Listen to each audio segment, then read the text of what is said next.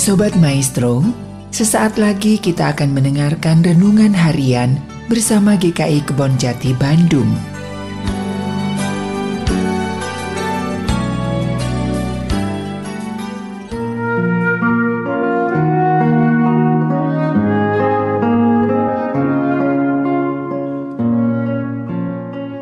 Selamat pagi Bapak Ibu sekalian yang dikasih oleh Tuhan Yesus Kristus.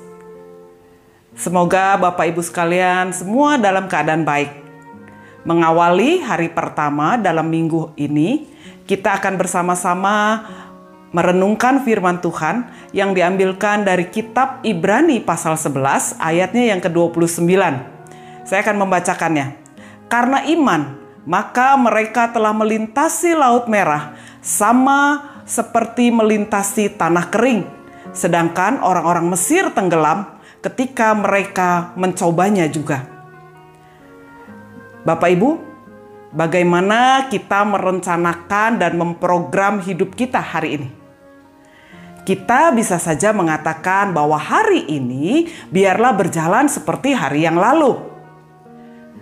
Atau kita juga bisa mengatakan, oh hari ini saya sudah memprogram atau merencanakan sesuatu dan saya akan mengusahakannya supaya apa yang saya program, yang saya kerjakan hari ini sesuai dengan apa yang direncanakan.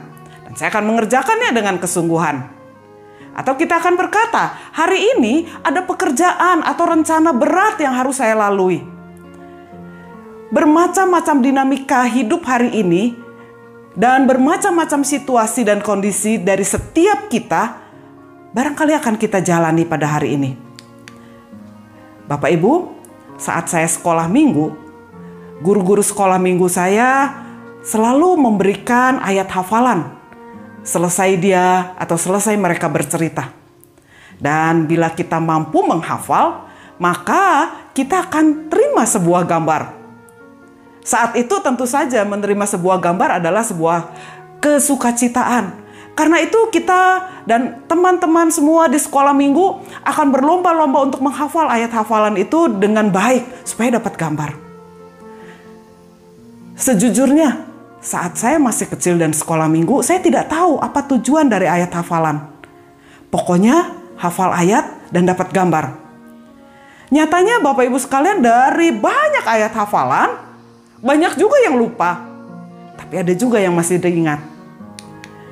Tapi dengan berjalannya waktu, setelah banyak persoalan hidup melanda, kita tahu dan saya sendiri merasakan bahwa ternyata ayat hafalan itu memberikan kekuatan. Ayat hafalan yang kita ingat itu ternyata punya kemampuan untuk memberikan kekuatan bagi kita semua menghadapi persoalan. Sehingga ketika terjadi sebuah persoalan dalam kehidupan kita, maka ternyata melalui ayat hafalan yang kita ingat, kita bisa percaya bahwa Tuhan pasti ada dan bahwa Tuhan pasti akan melakukan tindakan atas persoalan kita.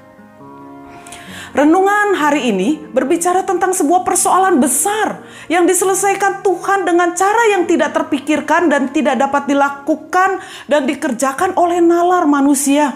Bahkan saat usaha manusia mengalami kebuntuan. Saat umat Israel dalam perjalanan yang sulit, menakutkan, dan seakan menghancurkan. Tetapi karena mereka saat itu berjalan dalam pimpinan dan perlindungan Tuhan, maka ada saja cara Tuhan memberikan pertolongan.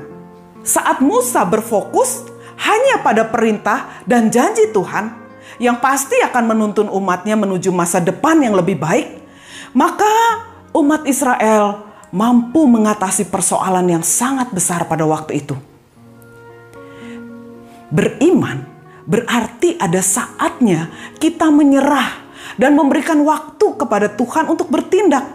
Sama seperti saat murid-murid beserta Yesus dalam perahu yang digoncang oleh ombak yang besar, dan para murid berhenti sejenak memberikan waktu bagi Yesus untuk bangun dan menghardik angin ribut, dan angin ribut menjadi tenang. Beriman juga berarti memegang teguh dan berfokus pada kasih kuasa dan perkataan Yesus. Itu yang dikatakan oleh Bonhoeffer, seorang teolog. Hari ini, Bapak Ibu sekalian, mari kita jalani hidup dalam pikiran dan tindakan yang berfokus pada kasih Kristus, pada firman-Nya, pada janjinya. Atau mungkin juga kita harus berdiam diri sesaat dan memberikan waktu bagi Tuhan Yesus yang melakukan pekerjaannya. Karena Tuhan Yesus pasti akan menuntun kita pada masa di waktu yang akan datang dengan lebih baik. Persoalan besar pun dapat diselesaikan dengan cara Tuhan yang tidak terpikirkan oleh kita semua. Karena itu Bapak Ibu sekalian, biarlah firman Tuhan hari ini dapat menjadi berkat bagi kita. Tuhan Yesus memberkati. Amin.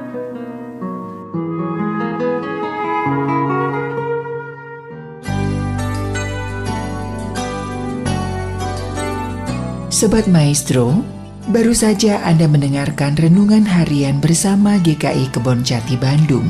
Tuhan Yesus memberkati.